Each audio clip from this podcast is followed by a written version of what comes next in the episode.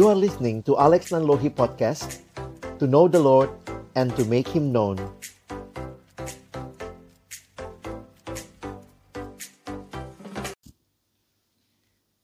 Mari kita berdoa sebelum kita membaca merenungkan firman Tuhan. Kami datang dalam ucapan syukur kepadamu ya Tuhan, karena sungguh atas kasih dan kemurahan-Mu lah kami boleh sama-sama beribadah, memuji, memuliakan namamu dan juga tiba waktunya bagi kami untuk mendengarkan firman-Mu. Kami mohon ya Tuhan ketika kami membuka firman-Mu, bukalah juga hati kami Jadikanlah hati kami seperti tanah yang baik, supaya ketika benih firman-Mu ditaburkan, itu boleh sungguh-sungguh berakar, bertumbuh, dan juga berbuah nyata di dalam kehidupan kami. Berkatilah baik hambamu yang menyampaikan dan setiap kami yang mendengar. Tuhan tolonglah kami semua. Agar kami bukan hanya menjadi pendengar-pendengar firman yang setia, tapi mampukan dengan kuasa, dengan pertolongan dari rohmu yang kudus. Kami dimampukan menjadi pelaku-pelaku firman-Mu di dalam kehidupan kami. Bersabdalah ya Tuhan, kami anak-anak-Mu sedia mendengarnya. Di dalam satu nama yang kudus, nama yang berkuasa, nama Tuhan kami Yesus Kristus, kami menyerahkan pemberitaan firman-Mu. Amin. Shalom. Bersyukur kepada Tuhan buat kesempatan ini sama-sama kita boleh belajar akan kebenaran firman Tuhan. Di dalam rangka kita juga bersyukur kepada Tuhan atas penyertaannya.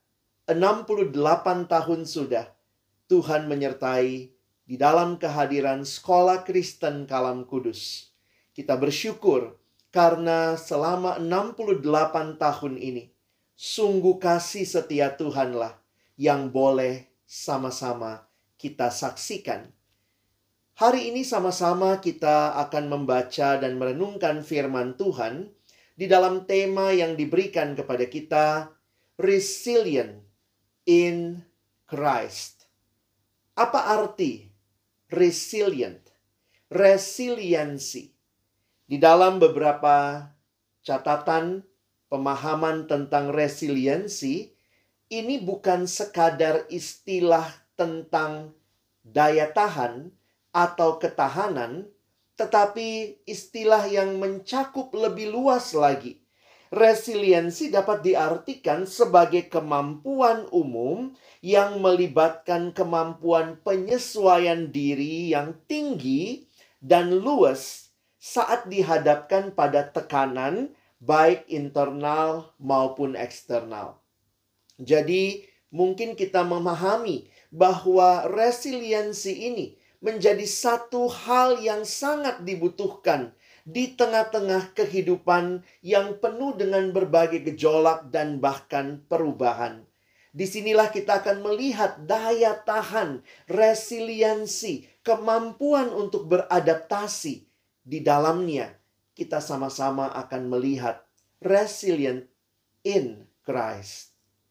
Saya mengajak kita bersama-sama membaca bagian firman Tuhan yang menjadi tema kita di dalam kitab Yesaya pasal yang ke-40. Yesaya 40 di dalam ayatnya yang ke-31. Ayat ini akan mendasari perenungan kita. Tetapi orang-orang yang menanti-nantikan Tuhan mendapat kekuatan baru. Mereka seumpama Raja Wali yang naik terbang dengan kekuatan sayapnya. Mereka berlari dan tidak menjadi lesu. Mereka berjalan dan tidak menjadi lelah. Bagian ini sering kali dikutip di dalam banyak kesempatan secara khusus di dalam khotbah kepada orang-orang muda. Apalagi ketika kita membaca di dalam bagian sebelumnya ayat yang ke-30. Dikatakan orang-orang muda menjadi lelah dan lesu dan teruna-teruna jatuh tersandung. Tetapi orang-orang yang menanti-nantikan Tuhan mendapat kekuatan baru. Mereka seumpama Raja Wali yang naik terbang dengan kekuatan sayapnya. Mereka berlari dan tidak menjadi lesu, mereka berjalan dan tidak menjadi lelah. Saudara-saudara yang dikasihi di dalam Tuhan Yesus Kristus, secara khusus juga anak-anak kami, orang-orang muda yang Tuhan Yesus kasihi, melihat kepada tantangan kehidupan yang terjadi di sekitar kita. Apa yang menjadi respon dari orang-orang muda secara khusus menyikapi berbagai tantangan zaman, perubahan yang terjadi dan bahkan tekanan-tekanan yang ada di sekitar kita, baik yang muncul internal maupun dari eksternal. Jika kita mempelajari di dalam bagian firman Tuhan, maka kita melihat bahwa ada situasi-situasi yang mungkin kita alami sebagai manusia yang hidup di dalam berbagai perubahan yang terjadi di sekitar kita. Di dalam sebuah artikel yang saya baca, ada yang mengungkapkan tentang ketakutan yang dialami oleh orang-orang muda. Ada tiga ketakutan utama yang dikatakan berkaitan dengan apa yang ditakuti oleh orang muda. Yang pertama adalah ketakutan akan masa depan. Yang kedua, ketakutan akan kegagalan, takut gagal. Dan yang ketiga, ketakutan berkaitan dengan relasi, takut kesepian. Dan inilah realita dunia yang mungkin dalam banyak hal kita melihat punya begitu banyak kemajuan yang membuat banyak hal yang begitu pasti, tapi juga manusia, secara khusus orang muda, ada ketakutan akan masa depan. Ada ketakutan mungkin akan mengalami kegagalan, dan bahkan dunia yang begitu luar biasa bicara relasi, ada begitu banyak media sosial yang menghubungkan orang dengan orang, manusia dengan manusia lainnya, tetapi juga selalu ada ketakutan akan kesepian. Jika kita melihat realita kehidupan yang seperti itu, maka bagaimana bertahan di dalam situasi yang kalau kita katakan hampir semua orang juga mengalami. Jangankan orang-orang yang belum kenal Tuhan, yang kenal Tuhan pun banyak orang-orang Kristen yang juga mengalami berbagai pergumulan, perubahan, tekanan di tengah-tengah situasi kehidupan. Yang membedakan bukan pergumulannya, saudara, tetapi yang membedakan adalah respon terhadap situasi perubahan yang sedang terjadi itu. Dan dari manakah sumber kekuatan kita untuk bisa bertahan, untuk bisa menghadapi segala perubahan yang ada? Resiliensi seperti apakah yang akan menjadi respon kita? Sekali lagi, kita melihat bahwa berbagai perubahan, berbagai tekanan mungkin ada di sekitar kita. Jika kita kembali membaca bagian firman Tuhan yang dikatakan di dalam kitab Yesaya, saya ingin mengajak kita sebelum membaca nanti ayat yang ke-31 sebagai tema kita, tapi mari lihat bagian sebelumnya. Saya mengajak kita membaca dalam Yesaya 40 mulai dari ayat 27. Mengapakah engkau berkata demikian, hai Yakub? Dan berkata begini, hai Israel, hidupku tersembunyi dari Tuhan dan hakku tidak diperhatikan Allahku. Bagian ini merupakan pergumulan umat Allah di tengah-tengah pembuangan yang mereka bahkan merasa Tuhan nampaknya sudah tidak mempedulikan mereka. Umat Allah mengalami pergumulan. Tetapi kalau kita melihat apa yang dikatakan di dalam firman Tuhan, saya lanjutkan ayat yang ke-28. Tidakkah kau tahu dan tidakkah kau dengar? Tuhan ialah Allah kekal yang menciptakan bumi dari ujung ke ujung. Ia tidak menjadi lelah dan tidak menjadi lesu, tidak terduga pengertiannya. Dia memberi kekuatan kepada yang lelah dan menambah semangat kepada yang tiada berdaya. Jika kita memperhatikan apa yang disampaikan di bagian ini, pergumulan umat Allah yang merasa ditinggalkan Allah, namun mereka diajak kembali berfokus dan memandang kepada Allah. Setiap orang di dalam dunia ini mengalami pergumulan. Tanpa kecuali, kita semua mengalami pergumulan di dalam perjalanan kehidupan kita. Tetapi yang membedakan bukan bicara menghadapi pergumulannya, tetapi bagaimana sikap di tengah-tengah menghadapi pergumulan. Beberapa sikap yang mungkin muncul ketika mengalami pergumulan adalah mencoba keluar dari pergumulan itu dengan mengandalkan kekuatan sendiri, PD, percaya diri. Jika kita memperhatikan apa yang disampaikan di dalam bagian firman Tuhan, beberapa kali di dalam ayat-ayat dinyatakan Berbahagialah orang yang mengandalkan bukan dirinya sendiri, bukan kekuatannya, namun mereka yang mengandalkan Tuhan. Jika kita melihat apa yang dikatakan di dalam ayat yang ke-28 tadi, diingatkan, tidakkah kau dengar? Tuhan ialah Allah kekal yang mencipta bumi dari ujung ke ujung.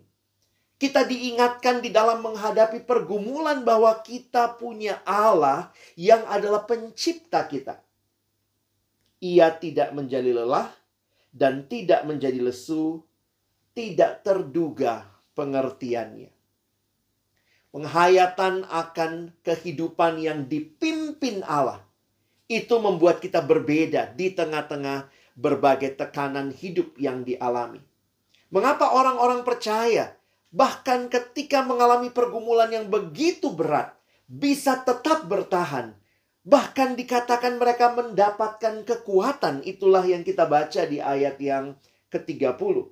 Orang-orang muda menjadi lelah dan lesu dan teruna-teruna jatuh tersandung. Tetapi ini tema kita. Orang-orang yang menanti-nantikan Tuhan. Istilah menanti-nantikan Tuhan bukanlah menanti di dalam kepasifan, tetapi orang yang benar-benar berharap bergantung kepada Tuhan, yang menyadari bahwa Tuhanlah sumber kekuatannya. Karena itu, dia mengalami yang dikatakan orang-orang yang menanti-nantikan Tuhan mendapat kekuatan baru.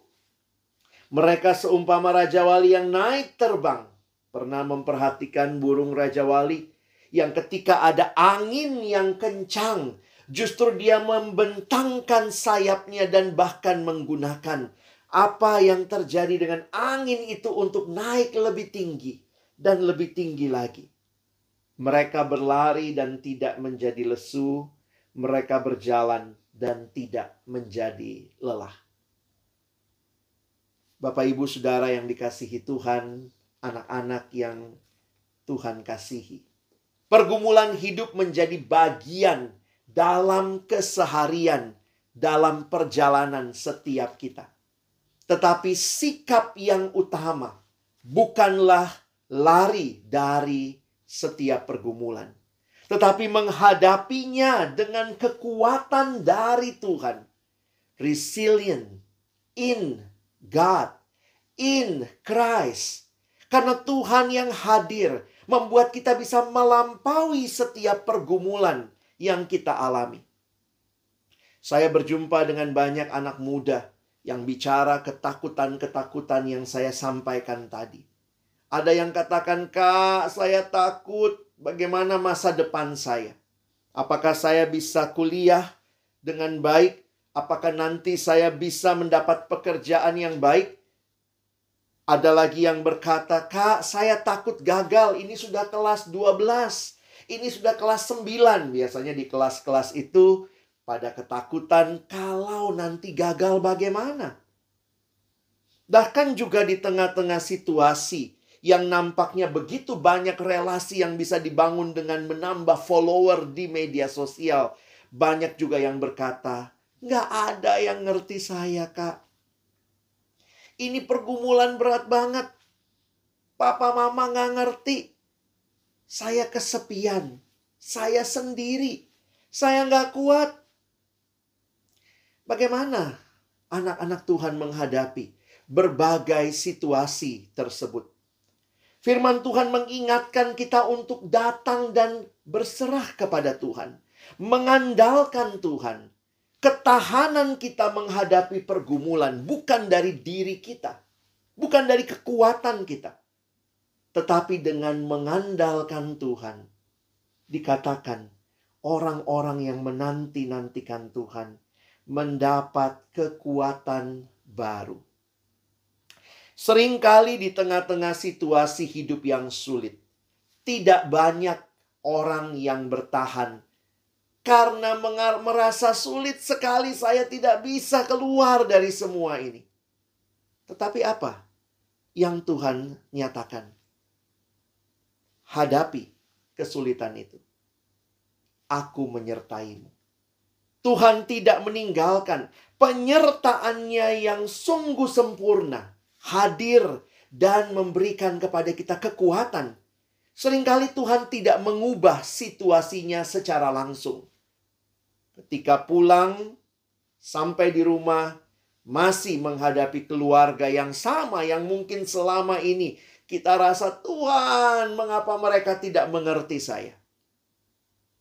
Tetapi bukan keluarganya yang diubahkan terlebih dahulu sering kali Justru ketika engkau datang dan berserah kepada Tuhan, mengandalkan Tuhan, mungkin Tuhan mengubah dirimu terlebih dahulu.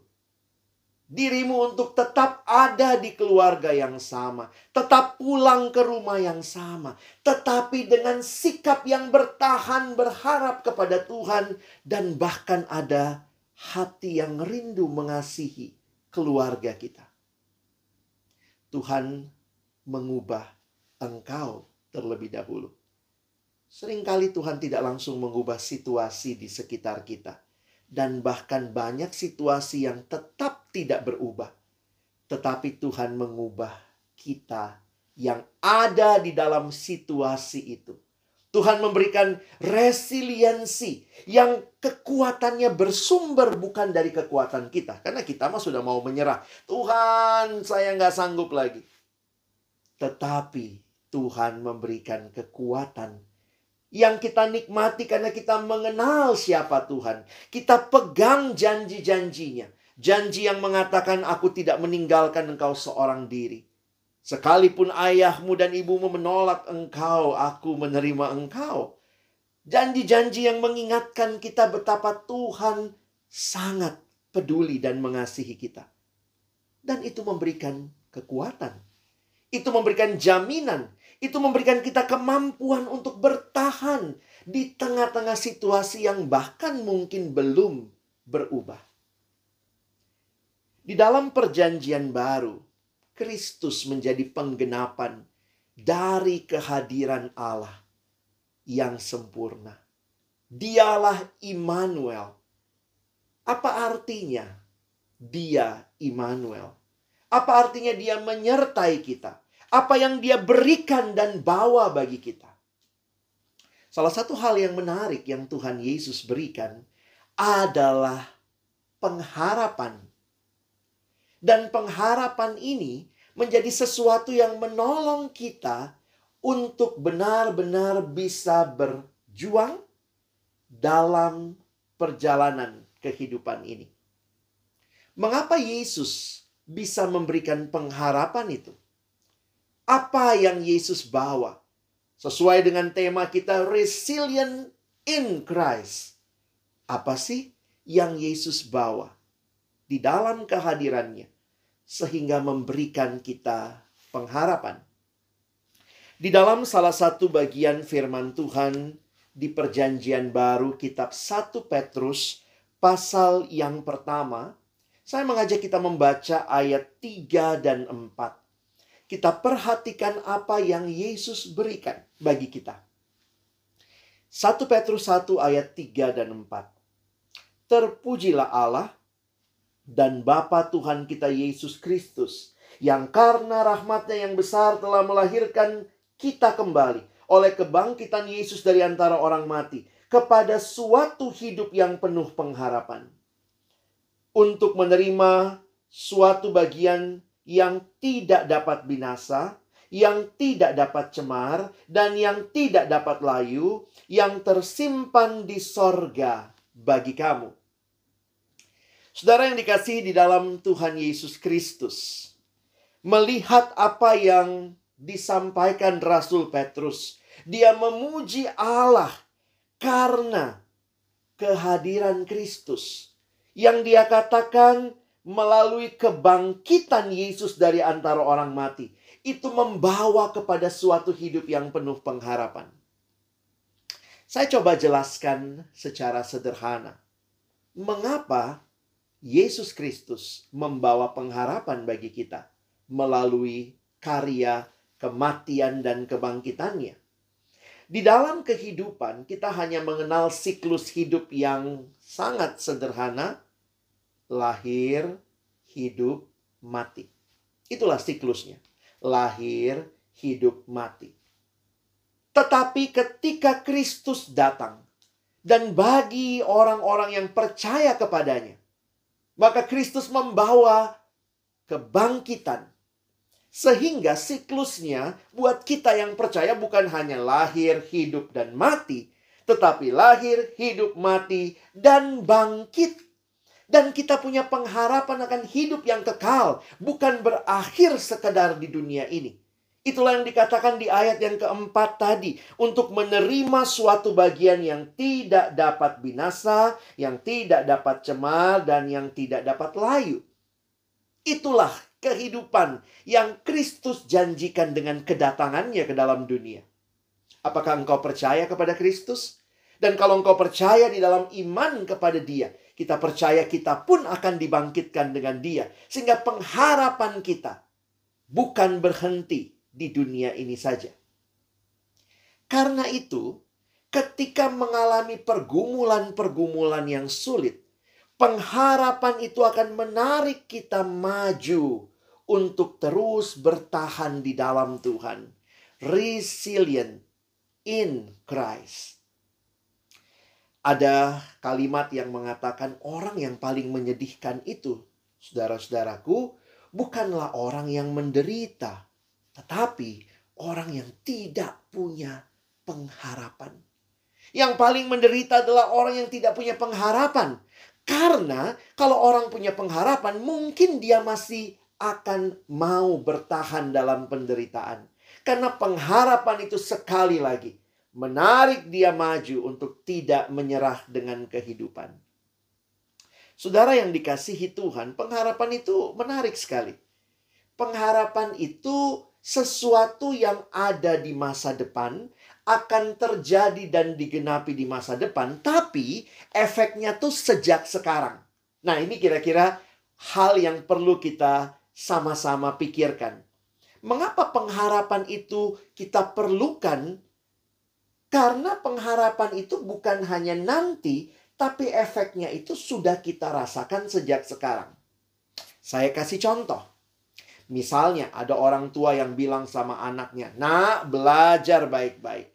Nanti kalau kamu nilainya bagus, kamu naik kelas, papa mama ajak jalan-jalan ke mana? Uh, ke Disneyland Hong Kong. Kalau kamu nilainya bagus, kamu naik kelas, belajarnya baik-baik, kita ke Disneyland Hong Kong. Kapan itu? Nanti ya di akhir semester ya, akhir tahun ajaran. Jadi sudah terjadikah Disneyland Hong Kongnya? Belum. Tetapi pengharapan akan ke Disneyland Hong Kong itu menarik anak ini untuk sejak sekarang terus maju. Terus maju.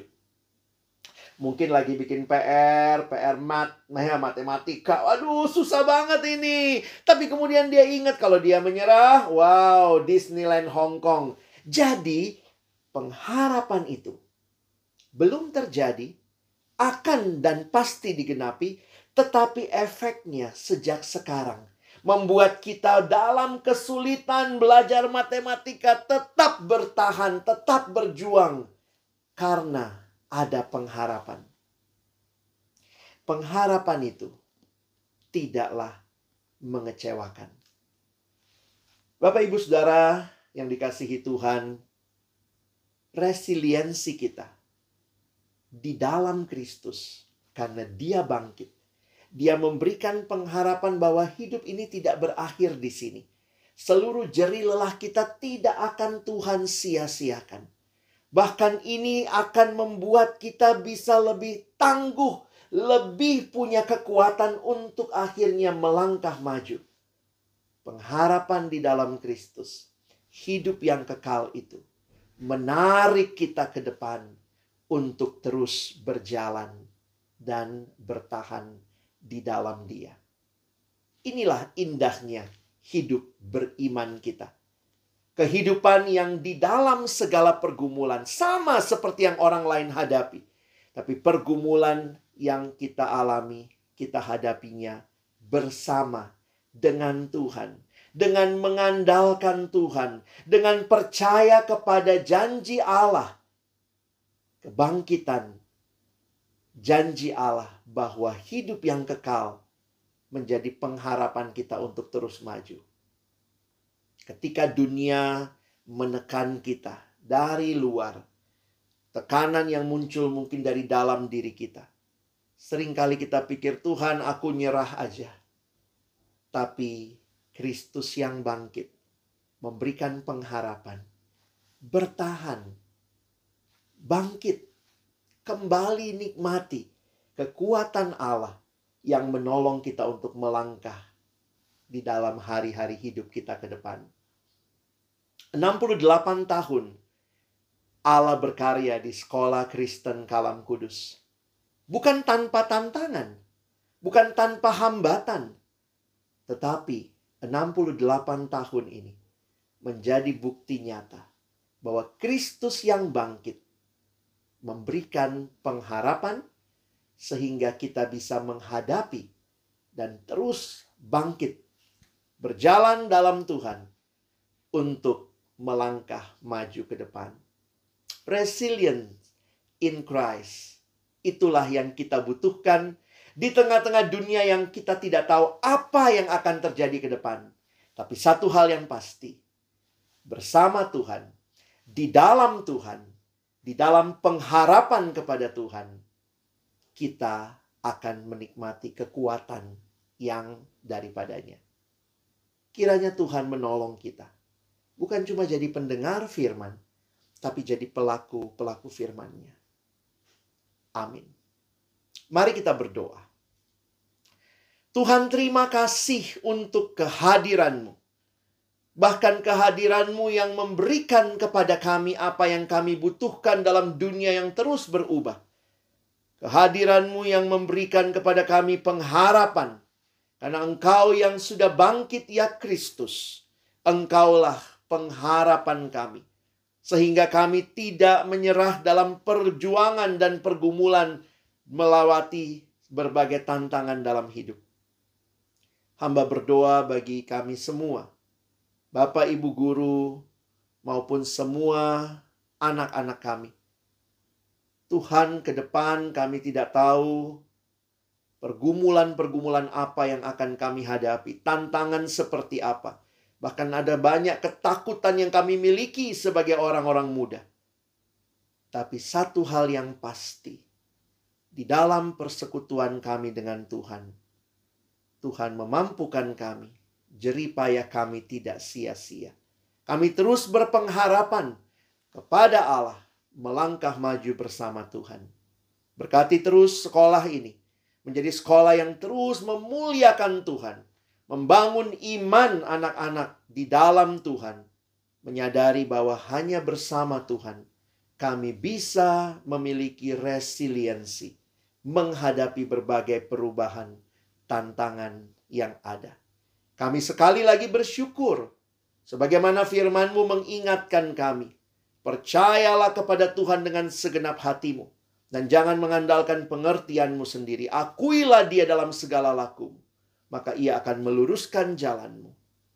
Itulah yang kami juga mau serukan bersama untuk kami melewati hari-hari kehidupan ke depan.